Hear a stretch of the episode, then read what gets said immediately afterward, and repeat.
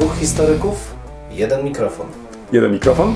Dwóch historyków? No nie, ale to znowuż mi wszedłeś w paradę. No tak zazwyczaj się dzieje. Profesor Krzysztof Równiewicz. Profesor Przemysław Wiszewski.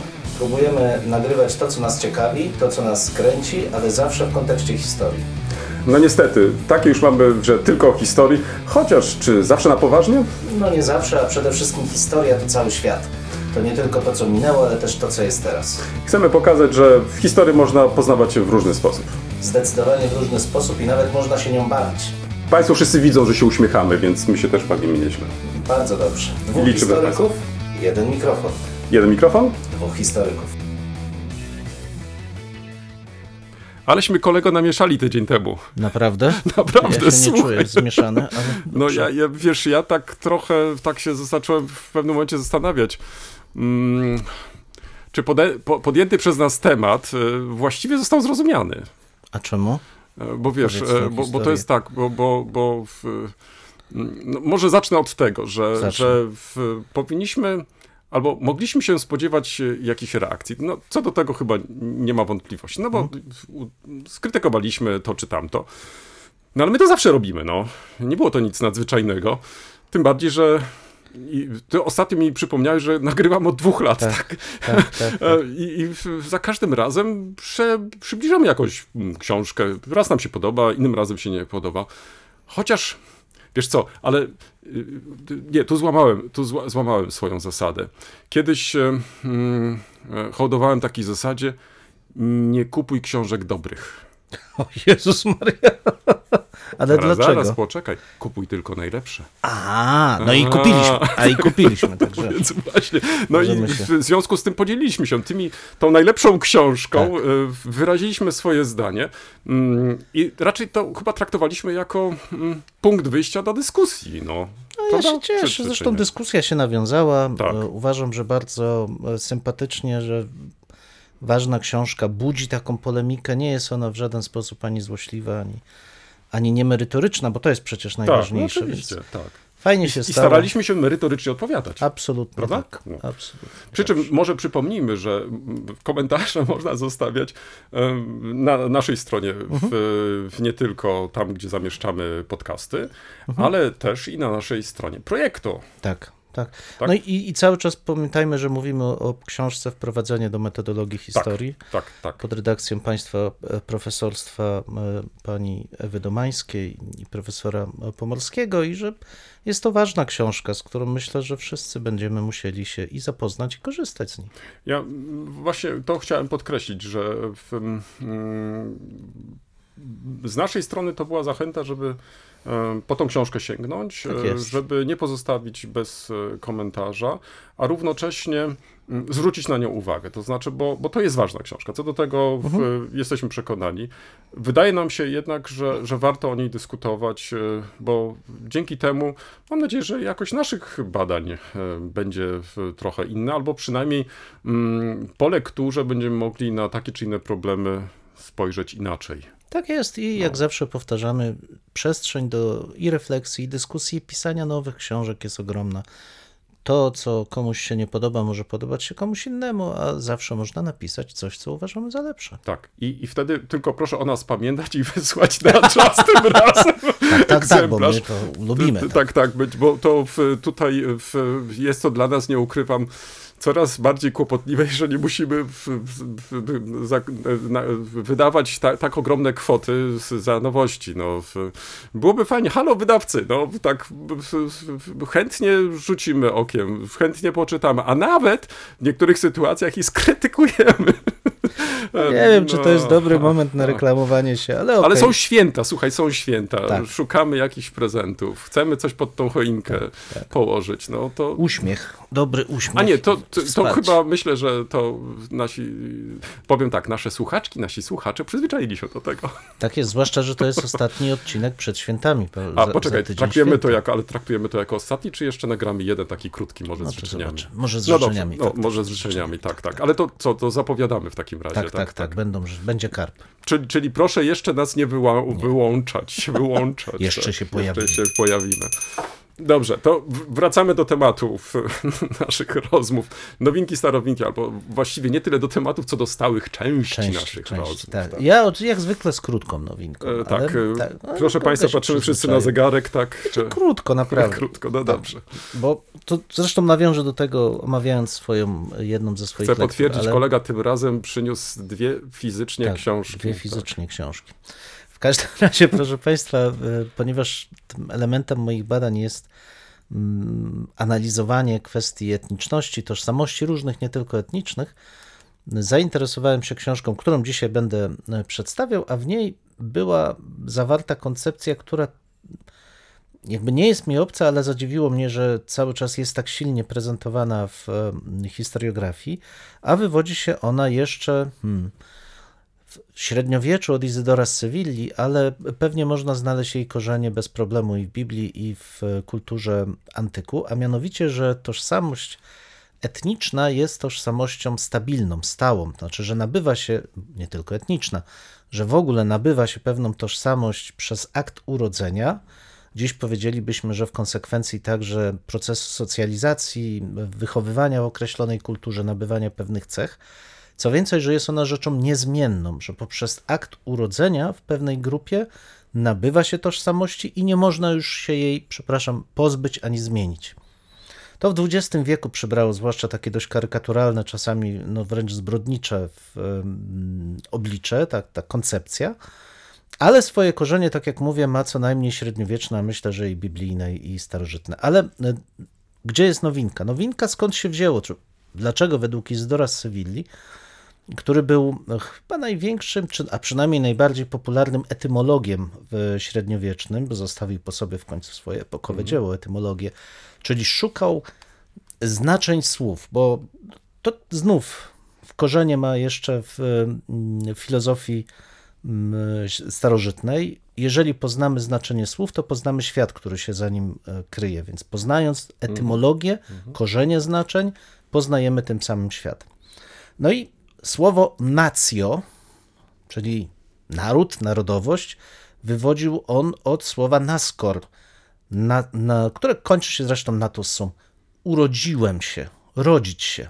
A zatem jeżeli urodziłem się, to przynależę do nacjo z aktu urodzenia.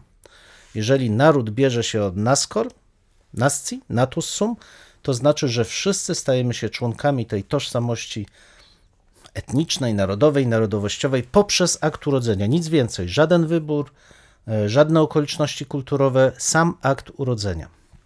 Zatem, jeżeli ktoś Państwa kiedyś będzie pytał, czy ta ideologia o, przynależności narodowej ze względu wyłącznie na akt urodzenia jest em, wymysłem skrajnych ideologów XX wieku, bo przecież Bluetooth Boden i tak dalej, no to nie. To, to ma znacznie głębsze e, korzenie, paradoksalnie filologiczne. Ale co ciekawe, wiesz, tak jak słuchałem ciebie teraz, bo rozumiem, że, że skończyłeś. Tak, tak, tak, tak. Bo Um, było krótko. e, Tak, ale, ale wiesz, ale, ale słuchałem z dużym zainteresowaniem i wiesz, co mi przeszło przez głowę, ale to możesz teraz mi poprawić. Tak sobie pomyślałem, hmm, ale trochę mi zabrakło odwołania do Biblii. Mhm. No bo to, to jednak tam też masz wszystko, od początku się tam coś tam e, wzięło Tak. i, i, i rozchodziło się. E, Czy to, to, to nacjo też można tak jakoś tak, tak wiązać, czy nie? Czy to tylko poprzez... I zdrowi z analogię. Sewilli chodziło wyłącznie o etymologię, bo to językiem świętym, językiem wiedzy była łacina wtedy, Tak, nie tak, hebrajski czy greka. Natomiast oczywiście sama idea przynależności z, przez akt narodzenia w tradycji żydowskiej jest bardzo silna. Zresztą No to właśnie, dzisiaj tak, jest. To, tak, tak. to przy- poprzez urodzenie z Żydówki stajesz się Żydem według tych ortodoksyjnych, e, ortodoksyjnych przekonań. I to znajdziemy w Starym Testamencie bardzo wyraźnie. No, jest się Żydem dlatego, że zostało się urodzonym w rodzinie żydowskiej. Wszyscy inni nawet nie są Czyli to takie szukanie korzeni jest e, zakorzenione w naszej kulturze. No, Zdecydowanie tak. Pamiętaj, że to jest kwestia bezpieczeństwa. Jeżeli jesteśmy wśród ludzi, których zwyczaje i obyczaje znamy, to jesteśmy bezpieczni. Jeśli pojawia się ktoś obcy, który Wśród zachowuje swoich. się dziwnie, Tak. tak. to on jest właśnie kimś innym, kimś obcym, a nie daj Boże Albo mówi w niemym. jakimś niemym, Niemym, języku tak. właśnie. Tak a propos Niemczy, to już w ogóle skojarzenie Tak, jakieś tak, dziwne tak. Wiesz, e, moja nowinka starowinka poszła w całkiem innym kierunku, chociaż. E, otóż e, tak się czasami składa, że mm, dostaję takie zapytania z prośbą o pomoc. W takich sytuacjach pierwsze moje wrażenie, jestem bezradny, nie wiem co odpowiedzieć, ale później przychodzi taka myśl, no hmm, człowieku, najpierw sprawdź, co jest w internecie, a później być może mm, jeszcze w innych materiałach. No więc o co chodziło? Mianowicie, Ostatnio zwrócono się do mnie z prośbą o pomoc, ponieważ e, chodziło o jedną z miejscowości tutaj e, na Dolnym Śląsku, niedaleko Oławy, wieś Miłocice. E, Podejrzewam, że Państwu, ale i Tobie to, ta wieś pewnie nic nie powie, e, chociaż ma bardzo ciekawą przeszłość, ale jak się dowiedziałem z tego właśnie listu zapytania, w tych Miłocicach miała się rzekomo znajdować zimowa kwatera cyrku Busza. No więc, proszę Państwa, właśnie słyszeli przed chwilą Państwo reakcję kolegi. No więc Na tej ś- polanie, dokładnie. Tak, siedzę, siedzę sobie przed komputerem, y, odbieram pocztę od y, właśnie znajomego i, i czytam, słuchaj, czy mógłbyś coś więcej ewentualnie powiedzieć mi na temat tej zimowej kwatery cyrku Busza, no...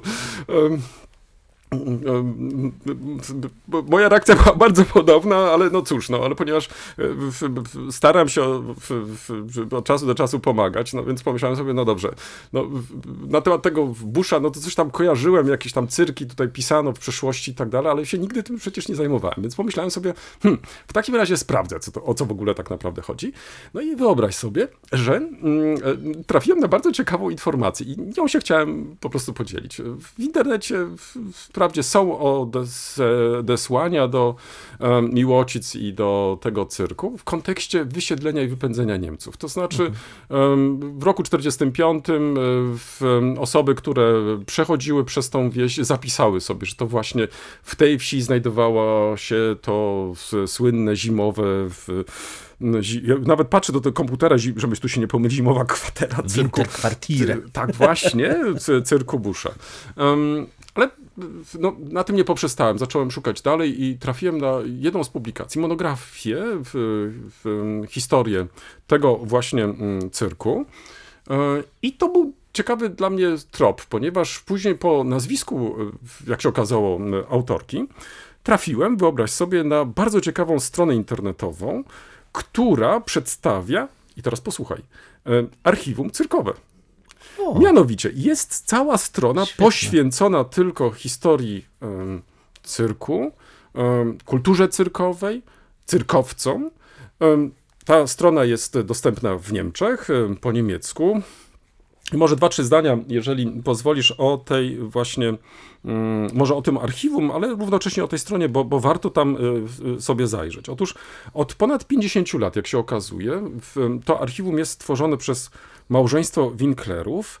Um, I w ciągu tego czasu udało im się zebrać ponad 10 tysięcy publikacji poświęconych cyrkowi, ale bardzo szeroko rozumianemu, to znaczy nie tylko ograniczonemu do historii cyrku, na przykład niemieckiego, tylko generalnie europejskiego, czy też e, wręcz światowego. Dalej, ponad 2000 egzemplarzy czasopism. Wyobraź sobie, ponad 2000 czasopism, e, które w, jako temat miały e, cyrk. Dalej, ponad 25 tysięcy zdjęć znajdziesz w archiwum e, cyrku. Następnie, co może e, niektórych też zainteresować, zwłaszcza jeżeli przygotowujecie Państwo jakieś publikacje, to na przykład plakaty. E, Te są też często takim bardzo wdzięcznym e, materiałem do wykorzystania. No i oczywiście, e, co może też być jakimś takim uzupełnieniem, to wycinki prasowe, to faktycznie jak to, to, to ten ruch cyrkowy funkcjonował w Europie, w Niemczech i tak dalej, i tak dalej. Postanowiłem napisać do państwa Winklerów, do tego archiwum, korzystając z adresu, który znalazłem tutaj na stronie. Czekam jeszcze na odpowiedź. Jestem bardzo ciekaw, czy mm, jakieś informacje poświęcone, jak ty to ładnie określiłeś, Winterquartier, tak? E, właśnie tej kwaterze zimowej e, cyrku Busha, e, czy coś znajdę. A tak swoją drogą, to, to, to też ciekawy temat, prawda? No to znaczy, zwróć uwagę, w, w, siedzibą był Berlin, więc e, tak na zimę zjeżdżało się tutaj na mm, Śląsk i tutaj... bo cieplej. E, myślisz, że cieplej? No myślę, przecież Nie, jak... w- Dolina Odry to ciepło. Ale no to teraz się chyba tak ciepło zrobiło, ale zimą to chyba zima była, wiesz, takie śniegi w ogóle, no przecież wyciągnij sobie zdjęcia z tego okresu, to przekonasz ale, się, że... Ale na pewno w Berlinie No. było zimniej i drożej. Ach, no, to na, to, słuchaj, to, to na pewno, to na pewno. Ale z drugiej strony, jeżeli tak e, sobie przypomniemy, że Przypomniemy, przypomnimy? Przypomnimy. Przypomnimy. Przypomnijmy, tak. Że e, Wrocław był traktowany jako przedmieście Berlina, czyli Vorort von Berlin, to w sumie nie należy się dziwić, że Mhm. Ale być może... ogórki wysyłała do No, Berlina. no więc słuchaj, te, relacje z pewnością były bliskie, także i zimowe, tak więc e, mm, może warto na to zwrócić uwagę. Przy okazji mm, chciałem zwrócić też uwagę na, na w, w to archiwum cyrkowe, bo być może ktoś z Państwa zechce z niego skorzystać w przyszłości, a przede wszystkim na stronę internetową, która faktycznie jest bardzo fajnie zrobiona i e, serwowanie po tej stronie internetowej sprawia dużo e, przyjemności. O, taka jest bardzo moja ładna, bardzo ładna. taka Bo tak pomyślałem jeszcze, że może oni zjeżdżali tutaj, bo po prostu siano było tańsze, no bo jednak te zwierzęta gdzieś... Nie, no tak, no. No. Wyobraź sobie, że gdzieś tam zimą ko- w okolicy Tak. Berlina masz wy, wyżywić tą całą, nie tylko gromadę ludzi, ale też zwierząt. Zwierząt, tak, tak. Więc całkiem możliwe, że tutaj Mm, gdzieś ktoś... E, Jestem bardzo ciekaw. Wiesz, e, Super. może się okaże, że coś więcej się dowiem e, mm, już w reakcji na ten mój list. Mam nadzieję, że ci Państwo nie będą już tak zaskoczeni, jak ja byłem zaskoczony, kiedy dostałem to zapytanie. Być może to dla nich jest coś oczywistego. Nie wiem, czy szybko dostanę odpowiedź, bo w końcu jest okres przedświąteczny, więc nie dziwię się, że może zaraz nie dostanę mm, odpowiedź, no ale niezależnie od tego. Słuchaj, jeżeli będziesz zainteresowany, to Zawsze. chętnie, chętnie do tego nawiążę e, w następnych naszych spotkaniach. Lektury. Lektury, tak. Dzisiaj, bo rzeczywiście trochę się spieszymy, jedną książkę, Do czego się e, spieszymy? e, no bo świat pędzi do przodu, Ach, to święta się zbliżają i w ogóle. Ach. Proszę Państwa, jedną książkę bardzo ciekawą, Visions of Medieval History in North America and Europe, Studies on Cultural Identity and Power. Jedna z nowszych e, książek, która ukazała się w serii Cursor Mundi wydawnictwa Brepols. Bardzo ciekawa, bo rzeczywiście mm, akurat ta seria, Cursor Przypomnę, Mundi, że to jest Hausverlag naszego kolegi. nie tylko jeden, ale między innymi. W każdym razie e, ta seria jest e, pod redakcją e, Uniwersytetu Kalifornii, Los Angeles i cały zestaw e, koordynujących pracę w tej serii. To są badacze e, amerykańscy, co skutkuje e, z jednej strony tym, że rzeczywiście większość tutaj występujących autorów jest związana ze środowiskiem amerykańskim, ale z drugiej strony sama renoma UCLA powoduje, że mamy tutaj no, zestaw no taki, że pozazdrościć tym, którzy się w ramach jego zebrali. Mamy i Helmuta Remica, i Herwiga Wolframa, i Jeffreya Koziola, i Warrena Brauna. No, creme de la creme. Podział książki na różne typy mm, tej tożsamości. Mamy i tożsamość etniczną, e, dziedziczenie tożsamości, tożsamość polityczna i prawna, em, mem, praktyki memoratywne, teksty i tożsamości, wreszcie tożsamości e, religijne. Ale ja chciałbym parę słów poświęcić wprowadzeniu, bo w, jest ono bardzo zwięzłe, co czasami bywa mm, dobre, czasami nie. Znaczy zwięzłe w sensie ma 20 stron, ale jak na tego typu wprowadzenia to jest e, jednak pewna, e, pewna zwięzłość. Natomiast wskazuje na coś, co wydaje mi się jest bardzo istotne przy tworzeniu tego typu zbiorów dotyczących e, bardzo ważnych, bieżących nawet pojęć, no bo tożsamość kulturowa, em, relacja między władzą a tożsamością e, kulturową jest zjawiskiem bardzo, powiedziałbym, gorącym w naukach społecznych.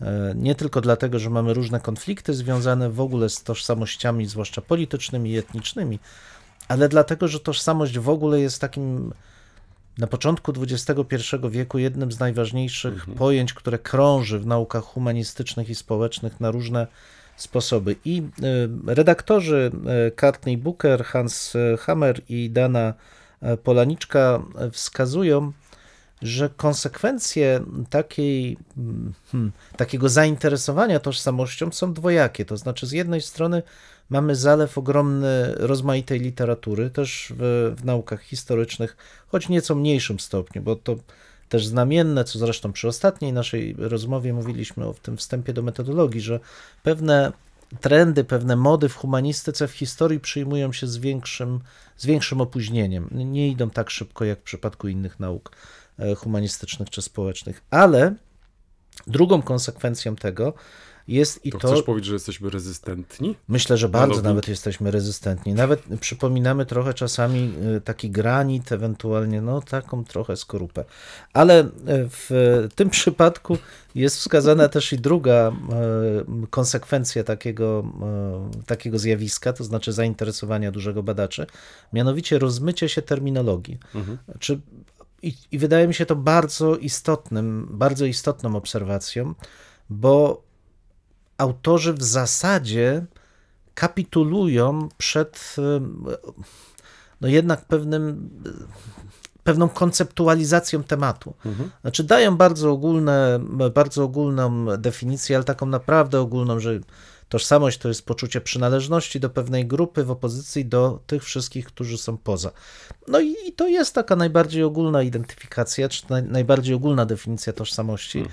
Tyle tylko, że właściwie w tym zawiera się wszystko. To znaczy, tu, tu można by wrzucać tutaj po, z różnymi przymiotnikami wszystkie tożsamości, jakie potrafimy sobie wyobrazić. Ale co więcej, e, redaktorzy, pomimo że zaznaczają, że w, pojawia się zjawisko wielości tożsamości, to z, wydają się traktować to jako coś e, związanego z kulturą najpóźniej nowożytną, a nawet e, współczesną. To znaczy zakładają, że tak jakby zakładali, że właśnie te kultury średniowieczna i starożytna traktowały tożsamość jako coś e, nie tylko stałego, tak jak wspomniałem już Izdora z Sewilli, ale w dodatku dążącego do pewnej mm, wyłączności, to znaczy jak, kiedy, jeśli identyfikujesz się jako Burgundczyk, to jesteś Burgundczykiem, koniec i kropka. Jeśli identyfikujesz się jako, e, jako Polak, to jesteś Polakiem i tyle. Nie, to nie, nie możesz być jednocześnie Polakiem, Małopolaninem, mieszkańcem Krakowa i mieszkańcem e, Kleparza na przykład. Więc e, powiem szczerze, że czuję pewien niedosyt, jeśli chodzi właśnie o konceptualizację. Ale konsekwencją tej konceptualizacji jest ogromna rozbieżność samych artykułów. Znaczy, mają one różne metody i to jest akurat dobre, no bo taka jest też rola tego typu zbiorów. Jeśli Państwo sięgają po zbiory prac, to najczęściej tą czystą radością jest sprawdzanie, jaką metodą ktoś się posługuje, jakie nowe podejście ma do danego tematu. Partykularne tematy mają mniejsze nawet znaczenie niż to, w jaki sposób zostały oświetlone. Ale ten, roz, te rozbieżności, to rozmycie terminologiczne i metodologiczne nie prowadzi do żadnych spójnych wniosków. To znaczy, spójny, i ostatni wniosek jest taki, że to jest ważna tematyka. I trochę czuję się taki u, u schyłku tego roku tą książką, nie, nie powiem, że zasmucony, ale zadziwiony, bo oznacza to, że historia w zasadzie wraca do takiego deskryptywnego modelu, to znaczy będziemy opowiadać sobie, co nam wychodzi z badań, co czujemy na dany temat, zależnie od przyjętej metodologii. Em, I nawet jeśli pokpiwamy sobie z deskrypcyjnego warsztatu e, pozytywistycznego, to dość okrężną drogą zmierzamy do podobnego zjawiska. To znaczy, mamy wiele różnych poglądów, wiele różnych perspektyw, wiele, wiele, i to zawsze chwalimy. Ale pytanie, do czego to ma nas doprowadzić? Czy doprowadzi nas przynajmniej do jakiejkolwiek poczucia wspólnoty intelektualnej, czy też w ogóle już z tego rezygnujemy i właśnie tworzymy taki wielki garniec, w którym różne rzeczy będą się przewalać, ale nie łączyć się ze sobą, nie tworzyć niczego nowego. Więc te wizje tożsamości w historii, czy tożsamości średniowiecznych, w historiografii północnoamerykańskiej i europejskiej, troszkę mnie y, mm, pesymistycznie nastroiły, ale tak jak mówię, wydaje mi się, że jest to też istotne, aby zapoznawać się nie tylko z własnym kręgiem refleksji, ale właśnie wychodzić i spoglądać na to, jak badacze także poza naszym kontynentem patrzą na naszą tematykę, bo to daje nam, przynajmniej mi, podnietę do szukania nowych e, dróg, nowej refleksji, ale też szukania odpowiedzi na pytania istotne dla mnie w kontekście metodologicznym. No i taka moja nowinka Visions of Medieval History in North America and Europe.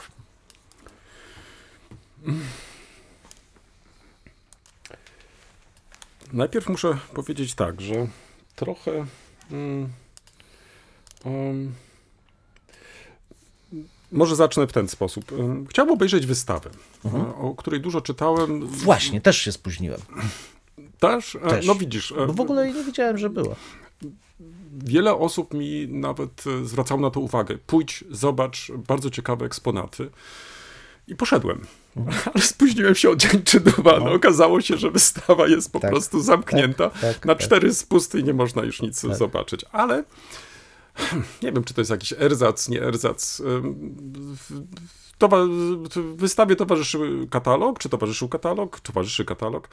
Ym, No i jako ten erzac przed sobą mam katalog do tej wystawy. Oczywiście to, to, to nie jest e, załatwienie sprawy, bo chętnie obejrzałbym tą wystawę, no ale skoro już e, nie mogę tego zrobić, to przynajmniej sięgnąłem po mm, katalog. Jak się okazało, ten katalog jest takim trochę przeniesieniem jeden do jednego e, tego, co można było zobaczyć. E, Ale jak mówię, jeszcze raz chcę podkreślić, chętnie bym tą wystawę obejrzał. O co chodzi? Mianowicie mm, od kilku tygodni we Wrocławiu była eksponowana wystawa poświęcona Odrze. I tutaj autorzy tej wystawy, przypomnę, ośrodek e, Pamięć i Przyszłość, lub też e, Centrum Zajezdnia, pomysłodawcą tej wystawy i kuratorem tej wystawy był doktor habilitowany Wojciech Kucharski. Nie jest to oczywiście temat nowy, który e, ośrodek e, podejmuje, bo, bo już e, to zainteresowanie Odrą widzieliśmy wcześniej. Już nie pamiętam, czy, czy wspominaliśmy o tym, że także i studenci naszego instytutu uczestniczyli w, w zeszłym roku w, w przygotowaniu wystawy poświęconej Mhm. E, Odrze, jej dziejom, ale także, a czy też przede wszystkim jej znaczeniu takiemu kulturotwórczemu, bo, bo chyba to, to przede wszystkim interesowało mm, e, w autorów tej wystawy, ale, ale bardzo szeroko to potraktowano. Tym razem e, postanowiono mm, pójść innym tropem i to, co mm, się rzuca w oczy, przynajmniej na podstawie tego katalogu, ale zakładam też i na wystawie, to była taka bardzo wyraźna, był taki wyraźny podział na dwie części. To znaczy, w pierwszej części przedstawiono mapy i to zatytułowano mm, Most. Em, Natomiast druga część to przybliżono mm, problematykę Odry i Nysy jako granicy e, państwowej e, polsko-niemieckiej. Tutaj zaprezentowano e, różnego rodzaju umowy, które były w przeszłości podpisywane. Przed sobą mam katalog przepięknie wydany. To, to jest pierwsza uwaga. Jeżeli ktoś z Państwa szuka prezentu pod choinkę, to myślę, że się nie zawiedzie, zwłaszcza ta osoba, która ten katalog otrzyma, bo katalog ten może zainteresować różne osoby. On jest przepięknie wydany. Pierwszą część, za pierwszą część jest odpowiedzialny specjalista zajmujący się od lat y, w kartografią historyczną dr Dariusz Przybytek. Natomiast e, jeżeli chodzi o tą drugą część, ja bym może bym tak może umownie nazwał polityczną, też specjalista zajmujący się tą problematyką od lat, e, profesor Jakub Tyszkiewicz. W pierwszej części otrzymaliśmy bardzo ciekawy zestaw map plus komentarzy. I tu nawet tak się zastanawiałem przed naszym programem, czy wybierając nowinkę, starowinkę, może nie wybrać którąś z tych map, ale pomyślałem sobie, hmm, to, to, to by może trochę nie było w porządku i fair, jeżeli powołałbym się na, na, na obcą pracę, chociaż z drugiej strony myślę, że jest to w końcu popularyzacja, więc e, em, chcę tylko zaznaczyć, że mm, wybór map e, mnie przekonuje od najstarszych, praktycznie po, po najnowsze. E, w- Co chcę podkreślić, to też, że są to mapy, które umieszczono na całej stronie, co pozwala faktycznie niekoniecznie z lupą zaglądać do tych map i, je sobie analizować, tylko faktycznie przed e, sobą mamy bardzo ciekawy zestaw i możemy je sobie przeglądać. Oprócz tego opatrzone są te mapy bardzo dobrym opisem, tak więc e, dowiemy się e, bardzo dużo o tym, w jakich okolicznościach takie mapy powstały, co, co, co, co, było charakterystyczne dla nich.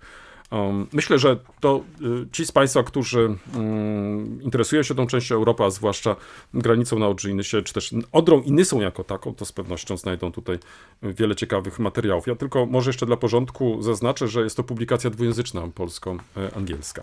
W drugiej natomiast części, która nie ukrywam jest trochę mi bliższa, bo, bo w przeszłości zajmowałem się nieraz y, także i granicą na Odrzyjnysie, um, to mm, chcę podkreślić, że także i tutaj koledze Tyszkiewiczowi udało się mm, przedstawić bardzo ciekawe, ciekawe w- materiały.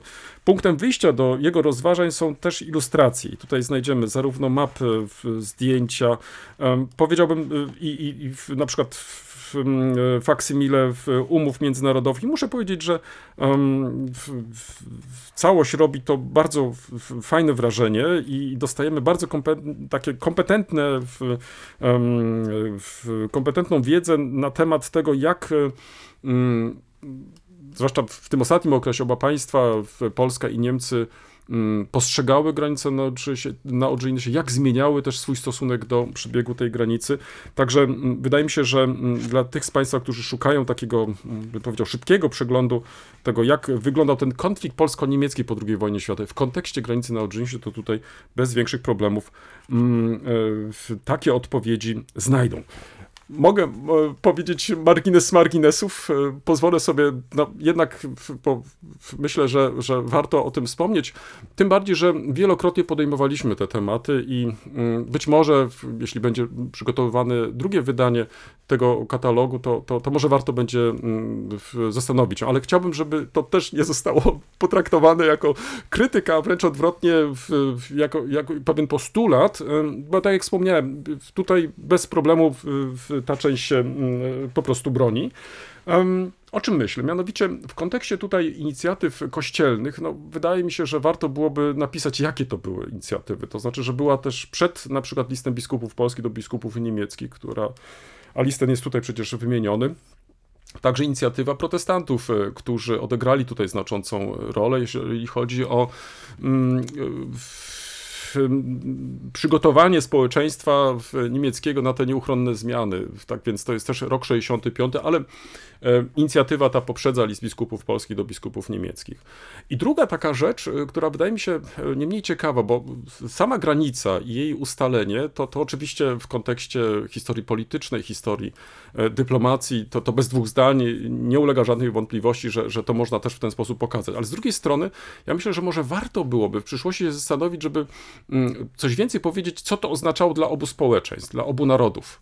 To znaczy, jak e, z jednej strony życie bez granicy, bo przecież e, w końcu ta granica dopiero w 1945 roku została mniej lub bardziej e, ustalona, co to oznaczało? Przed rokiem 1945 jako wewnętrzna rzeka w Rzeszy Niemieckiej, a później po 1945 roku wraz z wysiedleniem, wypędzeniem ludności niemieckiej e, i ustaleniem granic e, w, mm, stała się to rzeka graniczna, najpierw między Polską a NRD, a później między Polską a Niemcami już zjednoczonymi. I mnie się wydaje, że tak jak wspomniałem wcześniej, ponieważ e, był to jeden z kluczowych konfliktów em, polsko-niemieckich po 1945 roku, to myślę, że warto byłoby też trochę więcej napisać, co to oznaczało dla tych naszych społeczeństw. To znaczy, w jaki sposób z jednej strony e, żyliśmy w, w, plecami do granicy, plecami też do siebie, by później nauczyć się szukać e, kontaktów, relacji. Dlatego na przykład życzyłbym sobie, tak też jako postulat, bo, bo tak zastanawiając się, jak ewentualnie streścić, skrócić też te, te, te moje wywody, użyto tutaj tego określeniu most. Ja bym na przykład poszedł krok dalej i powiedział, że pomost w tym sensie, że dzisiaj jest to jednak pomost, który pozwala nam na właśnie e, tą bezpośrednią wymianę, na e, uczenie się nawzajem. Em, Więc myślę, że, że być może warto byłoby w przyszłości także i na ten wątek zwrócić uwagę, bo um, ustalenie granicy to nie jest tylko jakiś fakt techniczny, nie jest to tylko fakt y, międzypaństwowy, ale to też jest y, w wielu przypadkach ogromna trauma, którą do dzisiaj niektórzy noszą w sobie. I e, to jest zwłaszcza widoczne w różnego rodzaju dyskusjach, nie tylko w, w najstarszych e, e, przedstawicieli naszych społeczeństw, ale także, co ciekawe, także i młodszych. Tak więc ta, ta zadra granicy na Odrzyjnysie nam się w różnych kontekstach pojawia. No i z tego też powodu wydaje mi się, że warto byłoby w przyszłości być może poświęcić temu y, wątkowi nieco więcej uwagi. I króciutko, jeżeli pozwolisz, y, druga publikacja, choć y, długo się zastanawiałem, czy przed świętami w, powinienem wymienić tą publikację, ale z drugiej strony sobie pomyślałem, ponieważ ten temat y, w zbrodni niemieckich y, dokonanych w Polsce, y, obchodzenia się Niemców z przeszłością, y, to są tematy, które dzisiaj, już niezależnie od pory roku, y, budzą y, duże zainteresowanie, to, to pomyślałem sobie, w takim razie przytoczę tą publikację, bo wydaje mi się, że Em, warta jest tego, warto, żeby na nią zwrócić uwagę i warto, żeby ją w całości też przeczytać. Mianowicie właśnie ukazała się bardzo ciekawa publikacja pod tytułem Zbrodnia bez kary. Jest to mm, publikacja, która składa się z materiałów, które wcześniej zostały w dużej części opublikowane, e, a mm, jest to wspólny projekt dziennikarzy Deutsche Welle, Wirtualnej Polski i Interi. Co znajduje się w tej e, publikacji? Z tej publikacji znajdują się biografie, ale rozmowy też, biografie różnych e, funkcjonariuszy e, nazistowskich e, lub też zwolenników III Rzeszy, którzy dokonywali zbrodni e, podczas II wojny światowej na ziemiach polskich, lub też, e, tak jak to czasami e, autorzy nas tutaj przekonują, na przykładzie tych konkretnych postaci, osoby, które siedziały tylko za, biurka, za biurkiem i wydawały rozkazy, lub też ewentualnie uczestniczyły w tym procederze, procederze zbrodniczym, może tak.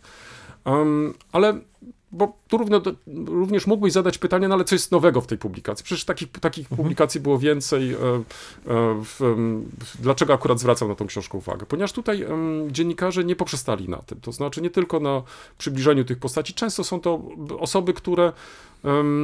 O których zapominamy, o których już nie pamiętamy. Być może dla starszej generacji y, Polaków, Niemców, może coś jeszcze one będą mówić. Natomiast dla młodszych wątpię.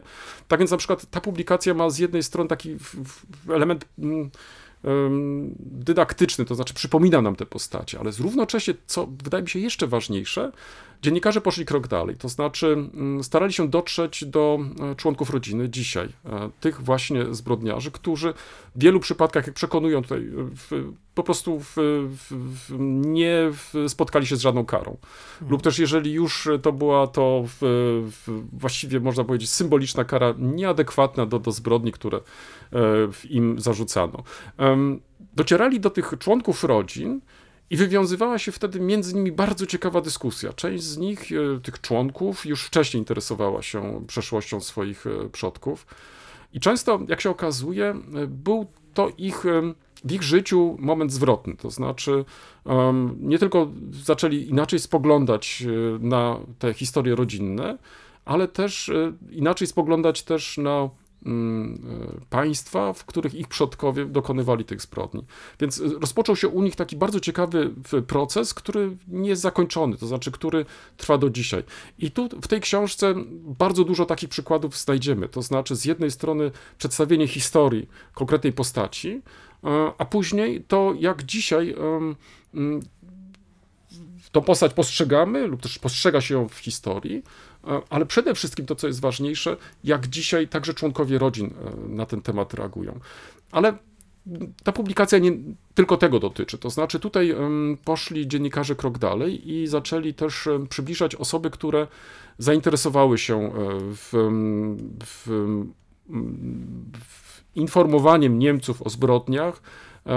Organizowali wystawy, które często spotykały się z ogromną krytyką ze strony większości społeczeństwa zachodnio-niemieckiego w tym konkretnym przypadku. Ale niezależnie od tego, mimo tych różnych przeciwieństw, e, starały się przybliżać tą problematykę. To znaczy, że nie można powiedzieć, że wszyscy Niemcy mieli to negatywny stosunek, że byli także i tacy Niemcy, którzy starali się to wyjaśnić, chcieli odpowiedzieć na pytanie, dlaczego tak się właśnie stało. Mamy też tutaj głosy samych ofiar. I to, jak te ofiary dzisiaj postrzegają, nie tylko tych Niemców z przeszłości, ale zwłaszcza te rodziny, z którymi nawiązały kontakt. I często mamy sytuacje bardzo ciekawe, kiedy to właśnie ci, to właśnie te ofiary e, jako pierwsze wyciągają rękę do tych, do, do, do może nie tyle sprawców, co do potomków tych sprawców. To znaczy starają się z nimi rozmawiać, starają się z nimi wymieniać, e, także w jakiś sposób e, tłumaczyć okoliczności, w jakich się wtedy e, znalazły. Bardzo ciekawa pozycja, bardzo ciekawa, nie jest łatwa w odbiorze. Od razu mówię, dlatego może niekoniecznie okres przedświąteczny jest tutaj e, dobrym momentem, żeby do, żeby tą publikację w, w, w polecić, ale z drugiej strony pomyślałem sobie, że może warto już teraz zwrócić na nią uwagę, ponieważ e, jest to ważny temat, e, bardzo ciekawie ujęty i myślę, że ta książka nie powinna przejść bez echa. I, no i na koniec pomyślałem sobie, że wymienię też i o tym, ponieważ czasami szukamy w, e, w, na zajęcia w, w szkołach, czy też na, na uczelni różnych przykładów. Myślę, że bez problemu każdy z nas znajdzie tutaj w tej książce takie przykłady, które nas przekonają i które być może będziemy chcieli właśnie w takiej formie dydaktycznej e, wykorzystać. Tak? Więc jeszcze raz, zbrodnia bez kary, e, śledztwo dziennikarzy Deutsche Welle, Wirtualnej Polski i Interi. Jeżeli tylko jeszcze pozwolisz, to wymienię e, dla porządku redaktorów tego tomu. Katarzyna Domagała-Pereira, Bartosz Dudek, Michał Gostkiewicz, Ewelina Karpińska-Morek. Książka przepięknie wydana e, w Krakowie przez wydawnictwo M w tym roku. Także serdecznie polecam e, tym z Państwa, którzy e, interesują się tą problematyką. I już na koniec, ponieważ wspomniałem o, o szkole, to też polecam serdecznie wywiad z Aureliusza Marka Pędziwola z em, Marcinem Wiatrem, e, koordynatorem po stronie niemieckiej e, projektu podręcznika polsko-niemieckiego. Bardzo ciekawy wywiad, e, tym bardziej, że mm, w ostatnim czasie sporo padało pytań, co dzieje się z tym podręcznikiem polsko-niemieckim, na jakim jest etapie. Tutaj dr Marcin Wiatr nie tylko odpowiada na te pytania, ale też trochę zdradza kuchni, w jaki sposób e, ten podręcznik powstawał, z jakimi problemami było to związane. Myślę, że wszyscy ci z Państwa, którzy interesują się tą problematyką, chętnie także i sięgną po ten właśnie mm, materiał. To z mojej strony tyle. Bardzo ciekawe książki. No na pewno ta, ta druga nie jest książką e, łatwą, bo, bo chyba zwłaszcza, że ja mam zawsze takie odczucie dużej, dużego dyskomfortu, mówiąc oględnie, kiedy uświadamiamy sobie, jak ta druga wojna światowa z tą ogromną liczbą zbrodni pozostała nieuleczona w tym sensie właśnie sprawiedliwości, że mimo pokazowego Trybunału Norymberskiego ogromna większość tych zwykłych zbrodniarzy nigdy nie doczekała się w, e, ukarania, a przynajmniej napiętnowania, więc tym większy mój podziw dla tych, którzy właśnie byli w stanie wyciągnąć dłoń w duchu pojednania, mimo że jest to rana, która dotyczy ich rodzin. To prawda. Tak jest. Tak. ym, Ja trochę już zasygnalizowałem nasz temat. y, Podręcznik jako hasło Tak, wywoławcze. podręcznik. Ja od razu muszę Państwu powiedzieć, że ja nie lubię podręczników.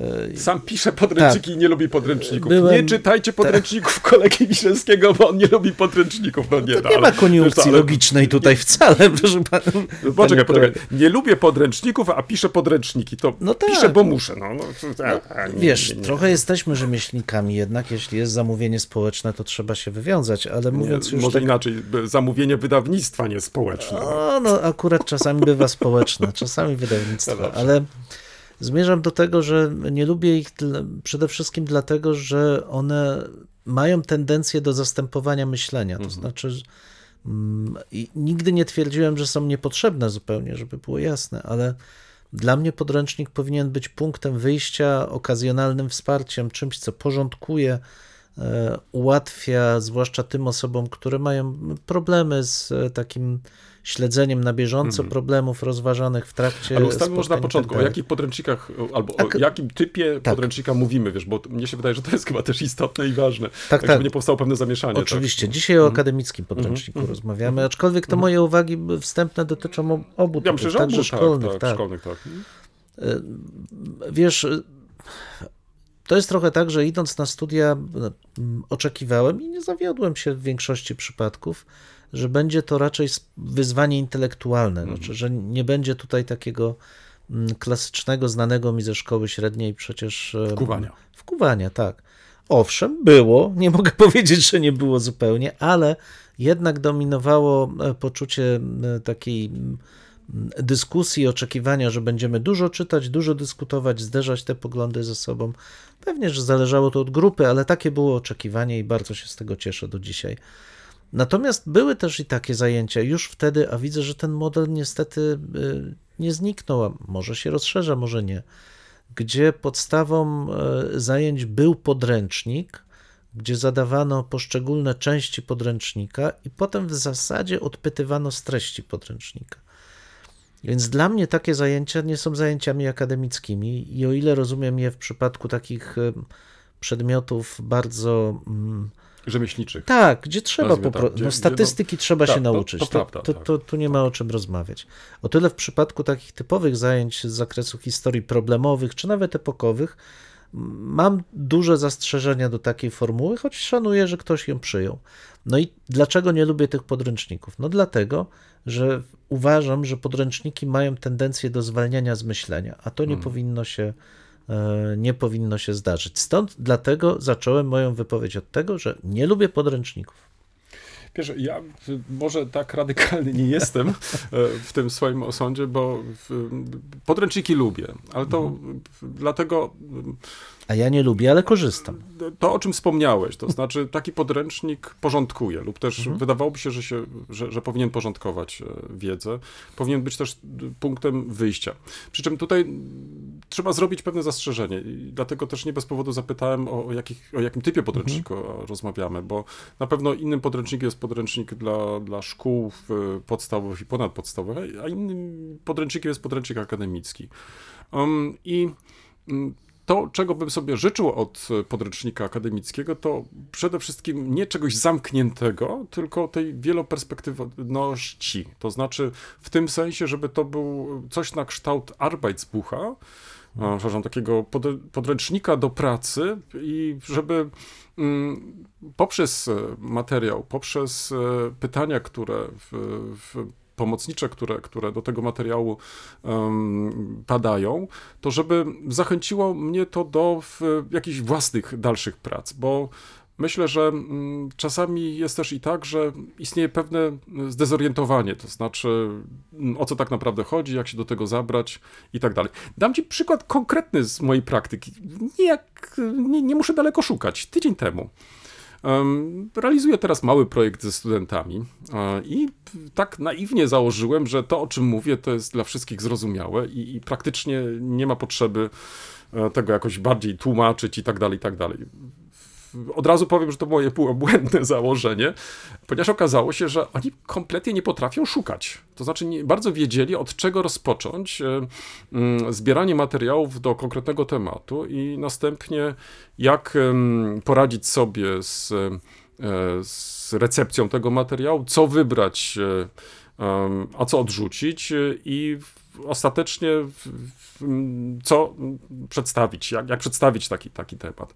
Um, I złapałem się na tym. To znaczy, ja nie zdawałem sobie z tego sprawy, że, że w, w, studenci już zaawansowanych studiów historycznych mają po prostu z tym problem. To znaczy, że na początku być może nikt nie zwrócił im uwagi, że tu nie chodzi o to, że, że dostaniecie jeden podręcznik i, i, i- tak jak wcześniej wspomnieliśmy, że, że masz wykuć na, na, na pamięć to czy tamto i już będziesz wszystko wiedział. Nie. E, Że e, tu trzeba inaczej spojrzeć na ten problem, że, że, że trzeba zastanowić się, e, gdzie rozpocząć te poszukiwania, w, że jest coś takiego jak bibliografia, być może bibliografii, znaczy nie być może, ale jest na pewno, w, ale jest też i bibliografia historii polskich i, i zawartości czasowej i Bóg wie, co tam jeszcze jest. Są specjalistyczne i tak dalej, i tak dalej. I to, to jest coś, co, co właściwie wydawało mi się, że, że jest oczywiste, ale to nie było oczywiste. I teraz dalej, mm, kiedy już przeszliśmy ten, ten etap y, wskazywania, gdzie ewentualnie można byłoby znaleźć, to, to później pojawił się problem, no dobrze, no ale, ale co zrobić dalej z tym, z tym materiałem? Jak sobie poradzić e, z, z tematami i ogromem też e, tematów, z którymi jesteśmy konfrontowani i tak dalej? Co wybrać? Wiesz, i pomyślałem sobie, że e, gdyby na przykład e, studenci mieli taki podręcznik, e, w, który pozwalałby im przynajmniej na, na początku, krok po kroku, pokonać takie czy inne problemy, to może w, następnych latach już nie mieliby tego rodzaju dylematów. I wtedy na przykład ja nie, nie stałbym przed, przed, czy nie siedziałbym przed, przed grupą fajnych studentów, zaangażowanych studentów, ale po, po ich twarzach, po, po ich reakcjach zauważyłem, że, że coś jest nie tak, że, że po prostu coś, coś zabrakło. I wtedy nawet gdybym na samym początku wiedział, wiesz, że, że, że, że z, czymś takim mogę być konfrontowany, to naturalnie bym to zrobił. To przecież byłoby pierwsze, jedne z pierwszych zajęć, które mogłem po prostu poprowadzić. Ale, ale, ale, ale tego nie wiedziałem. I teraz wracamy do, do, do podręczników, e, bo to jest jeden typ podręczników, czyli taki bardziej wprowadzania do studiów, e, do, do, do warsztatu, uczenia tego warsztatu. Ale e, my myślimy też o innych podręcznikach. Na przykład wspomniałeś o podręcznikach epokowych. Dlaczego na przykład z sentymentem wspominam podręcznik profesora Roszkowskiego, Rostworowskiego. Roszkowskiego też wspominam sentymentem, tylko dlatego, że jako historyk historii najnowszej to był pierwszy mój podręcznik, tak. który wykorzystałem do historii najnowszej Polski. Zresztą ja chyba już wielokrotnie mówiłem, że kupiłem ten podręcznik, panie profesorze, w Berlinie Zachodnim, w księgarni, w księgarni polskiej. Wydałem straszne pieniądze. Ach, już dobrze, zakończę ten wątek. E, faktycznie był to podręcznik, z którego korzystałem, chociaż trudno byłoby dzisiaj nazwać e, ten materiał podręcznikiem. To była bardziej e, próba zmierzenia się z tym tematem, wizja autorska w historii powojennej Polski. Um, ale dydaktycznie to w ogóle nie było w żaden sposób opracowane. Ale czego na przykład, y, i teraz w odróżnieniu może do tego, tego w, w materiału, y, podręcznik profesora Rostworowskiego do XVIII wieku no, był dla mnie odkryciem. Um, zapadła komuna, chociaż chyba już, no, a no dobrze, już tu byłaby schyłek komuny. Um, ale książka napisana w taki sposób, że, że mimo w, w, w liczby stron, e, ponad tysiąc. To się czytało z wypiekami na twarzy i te sposoby podejścia. To znaczy, ta książka generalnie, jeżeli Państwo nie znają tej publikacji, składa się z dwóch części. Mamy ujęcie zarówno to chronologiczne, w konkretnej epoki, mhm. tak, ale mamy też problemowe. Mhm. I to jest zrobione w taki sposób, że nawet gdybyśmy chcieli czytać e, jedną część e, osobno i drugą część osobno, to po przeczytaniu w jednej części mamy pewien ogląd, ale z drugiej strony chcielibyśmy bardzo szybko zajrzeć, co jest w tej drugiej części. I dopiero wtedy, po przeczytaniu tej drugiej części, mamy bardzo zróżnicowany ogląd tej epoki, różne sposoby podejścia. I być może to jest to, o czym ty przed chwilą mówiłeś, że mm, takie podręczniki cię nie satysfakcjonują, przynajmniej te, z, z którymi miałeś do czynienia, ale gdybyś miał taki podręcznik do dyspozycji, czy nie mógłbyś go zaproponować z czystym sumieniem studentów, ja bym go zaproponował. Nie, no wiesz, to są dwie różne rzeczy. Ja przecież w swojej praktyce też korzystam z podręczników i zgadzam się z tym, że one są bardzo użyteczne, te dobre podręczniki. Dla mnie takim wzorcem dobrego podręcznika jest y, wydane przez jeszcze Ewę Wiprzycką i Benedetto Bravo Historia starożytnej Grecji. Pierwszy tom wydane w 1988 roku. Ale nie myślisz o tym Wademeku, tylko już... Nie, nie, właśnie historię starożytnej, mhm. starożytnej Grecji. I, I to był niesamowita książka, dlatego, że poza tym kwantum takiej wiedzy m, będącej właśnie opinią komunist, taką przyjętą przez mhm. naukę mhm. wtedy, zawierała, no i poza oczywiście wskazówkami bibliograficznymi, zawierała osobne, dla każdego rozdziału osobne zagadnienia dyskusyjne, takie co do których badacze nie chcą się zgodzić, nie potrafili się mhm. zgodzić albo coś nowego wprowadzili i jeszcze tego nie przedyskutowali. W rezultacie, czytając ten podręcznik, w, nie tylko dowiadywałeś się takiej mhm. pewnej sztampy, no bo to jest normalne, podręcznik powinien to robić, dawać pewien, pewne podsumowanie stanu wiedzy, ale byłeś też wprowadzony w dyskusję. Mogłeś porównać, co jest tym elementem takim stabilnym wiedzy, ale też co jest tym elementem nowym, rodzącym się, cały czas poddawanym hmm. dyskusji. To było bardzo dla mnie odkrywcze, bo ja jakby wychowałem się w szkole średniej właśnie na, tym, na tych tomach PWN-owskiej historii powszechnej. No i tam. Trzeba może przypomnieć. Hmm? Część była mm, bardzo tradycyjna. Bardzo. E, A I na tym tle, bardzo i nowy. na tym tle tak, faktycznie Rostworowski jawił się nam jako całkiem inny Absolutnie, ale ja jako, wiesz, zainteresowany wcześniejszymi epokami, no to miałem Wójcika i Menteufla. To były bardzo tradycyjne tak. dwa hmm. podręczniki do e, starożytności i Ale Wolskiego. Wolskiego, Wolskiego, tak, przepraszam. Wolskiego, Wolskiego. starożytności. Tak, tak, Wolskiego. Tak, tak. No ale to bardzo, bardzo, bardzo tradycyjne podręczniki. No i w każdym razie razie. Podręcznik dla mnie jest rzeczą bardzo ważną, bo on pozwala, tak jak już wspomniałem, odwołać się do hmm. pewnego kwantum, zakotwiczyć się w czymś. ale dla mnie podręcznik to punkt wyjścia. Znaczy, ja uważam, że podręcznik nie powinien zastępować całej lektury. Wiesz, jak studiowaliśmy i trzeba było już zacząć zająć się historią najnowszą XX wieku, to nie było żadnego podręcznika w języku polskim do historii powszechnej. Jeszcze do historii polskiej sięgano właśnie Poroszkowskiego, jakiegoś Pronobisa jeszcze, no, prawda, tak. tak dalej. Ale do historii powszechnej nie było nic. I my wtedy musieliśmy czytać te wszystkie monografie dziejów poszczególnych państw dla danego okresu. To było niesamowicie rozwijające, bo oczywiście lektur było bardzo dużo, ale nagle zyskiwałeś ogląd z różnych punktów widzenia jednego problemu.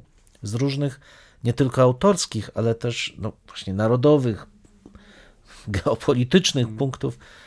Niesamowicie rozwijająca lektura. I tak bym rzeczywiście widział e, rolę różnych podręczników też. Idealnym rozwiązaniem byłoby nie tylko odwoływanie się do jednego podręcznika, choć jest to ważne, cały czas to podkreślam, ale danie studentom możliwości zapoznania się z różnym punktem widzenia.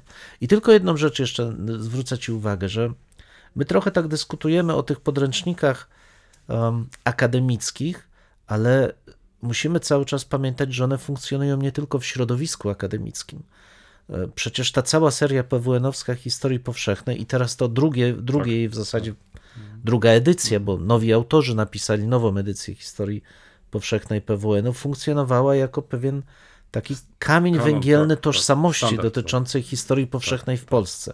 Czytali go wszyscy, no, a, a czworaczki, które Mhm. historię, e, historię Polski ukształtowały w latach 80., no są te podręczniki akademickie jednak pewnym kamieniem probierczym. Ale czy to jest, ale powiedz, ale czy to jest podręcznik akademicki? Czy, Mhm. Oczywiście my dzisiaj definiujemy Tak. to jako podręcznik akademicki, ale to były jednak monografie, Tak. w, czy właśnie historii Polski, czy też e, dziejów powszechnych i tak dalej. Tak. Natomiast y, to, o czym przed chwilą powiedziałeś, czyli ten taki protokół rozbieżności, to znaczy coś, co dawałoby nam Mhm. od razu wgląd y, w te rozbieżności między badaczami.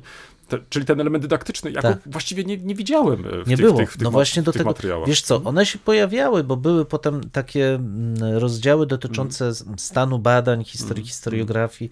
I tam rzeczywiście, jeśli któryś z autorów chciał, nie każdy, tak jak Rostworowski chciał, zgłębiał, pokazywał te różne trendy w refleksje, punkty takie dyskusyjne.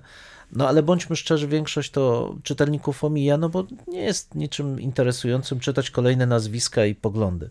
To trzeba naprawdę dużej, dużego talentu, żeby pokazać te rozbieżności jako coś interesującego. Ale właśnie z, punkt, z tego punktu widzenia, że te publikacje nie są tylko, nie były tylko przeznaczone dla studentów, ale formowały tą wizję elit intelektualnych w, w, w kraju, ja uważam, że źle się stało, że zabrakło takiego spojrzenia na historię, bo to tak naprawdę wyrasta, czy kształtuje potem tą wizję potrzeby spójnej, jednej historii, która nie może się różnić, nie może być dyskusją.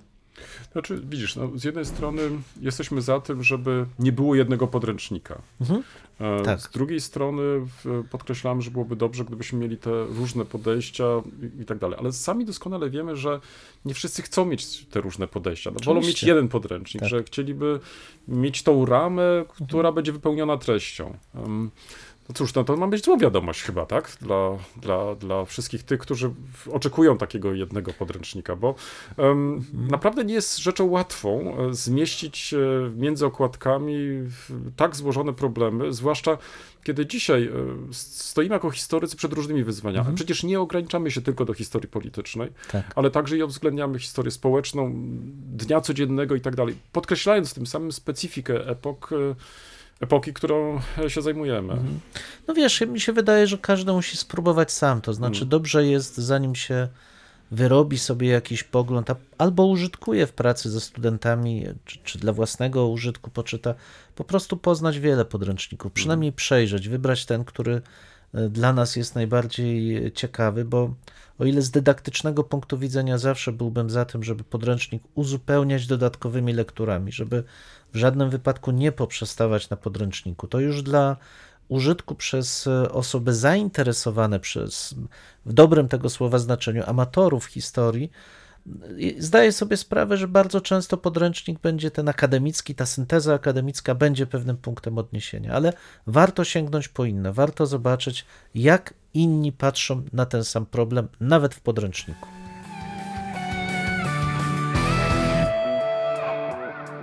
W tym miejscu stawiamy kropkę lub też jak to woli kropkę nad i. No, mamy nadzieję, że to nie jest koniec, że to jest początek Waszych dyskusji. Mam nadzieję, że Was zaciekawiliśmy. Prosimy o komentowanie naszych em, zmagań z historią. Poniżej zdjęcia jest wystarczająco dużo miejsca. I pamiętajcie, nie regulujcie odbiorników. No, my naprawdę tak brzmimy. E, tak, chociaż być może czasami e, może trzeba ściszyć. No może czasami ten nasz rechot by się przydało wyciąć nawet. Dwóch historyków? Jeden mikrofon. Jeden mikrofon? Dwóch historyków. Dziękujemy. Dziękuję.